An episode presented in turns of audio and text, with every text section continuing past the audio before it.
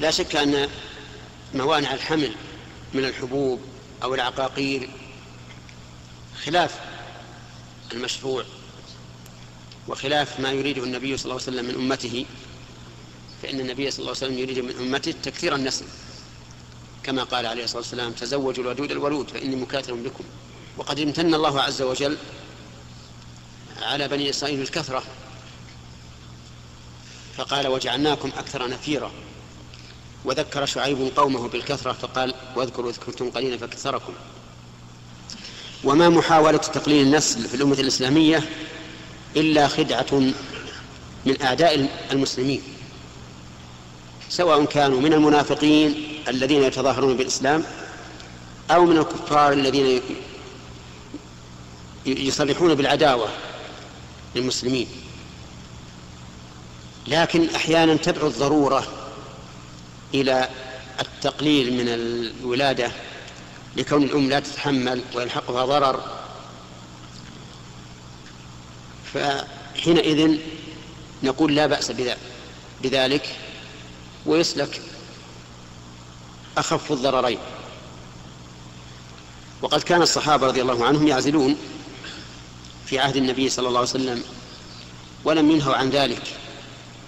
وإن كان الرسول عليه الصلاة والسلام قد سئل عن العزل فقال هو الوأد الخفي. وهذا يدل على أنه وإن كان جائزا فإن فيه شيئا من الكراهية. وبهذه المناسبة أود أن أشير إلى ظاهرة ذكرت لنا وهي أن كثيرا من المولدين أو المولدات في المستشفيات يحرصون على أن تكون الولادة بطريقة عملية وهي ما يسمى بالقيصرية. وأخشى أن يكون هذا كي أن يكون هذا كيدا للمسلمين لأنه كلما كثرت الولادة على هذا الحال ضعف الجلد جلد البطن وصار الحمل خطرا على المرأة. وصارت لا تتحمل وقد حدثني آه، بعض أهل المستشفيات الخاصة بأن كثيرا من النساء آه، عرضنا على المستشفيات وقرروا أنه لا بد من قيصرية. وجاءت إلى هذا المستشفى الخاص فولدت ولادة طبيعية.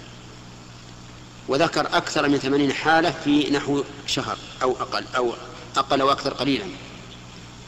وهذا يعني أن المسألة خطيرة ويجب التنبه لها.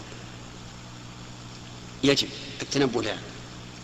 وأن يعلم أن الوضع لا بد فيه من ألم ولا بد فيه من تعب. حملته أمه كرها ووضعته كرها. وليس مجرد أن تحس المرأة بالطلق تذهب وتنزل الولد حتى لا تحس به. فالولادة الطبيعية خير من التوليد. سواء عن طريق القيصرية أو غيرها. لكن نعم إذا وجدت مشقة غير عادية فحينئذ تذهب وتحذر من القيصريات. تحذر بقدر ما تستطيع. نعم.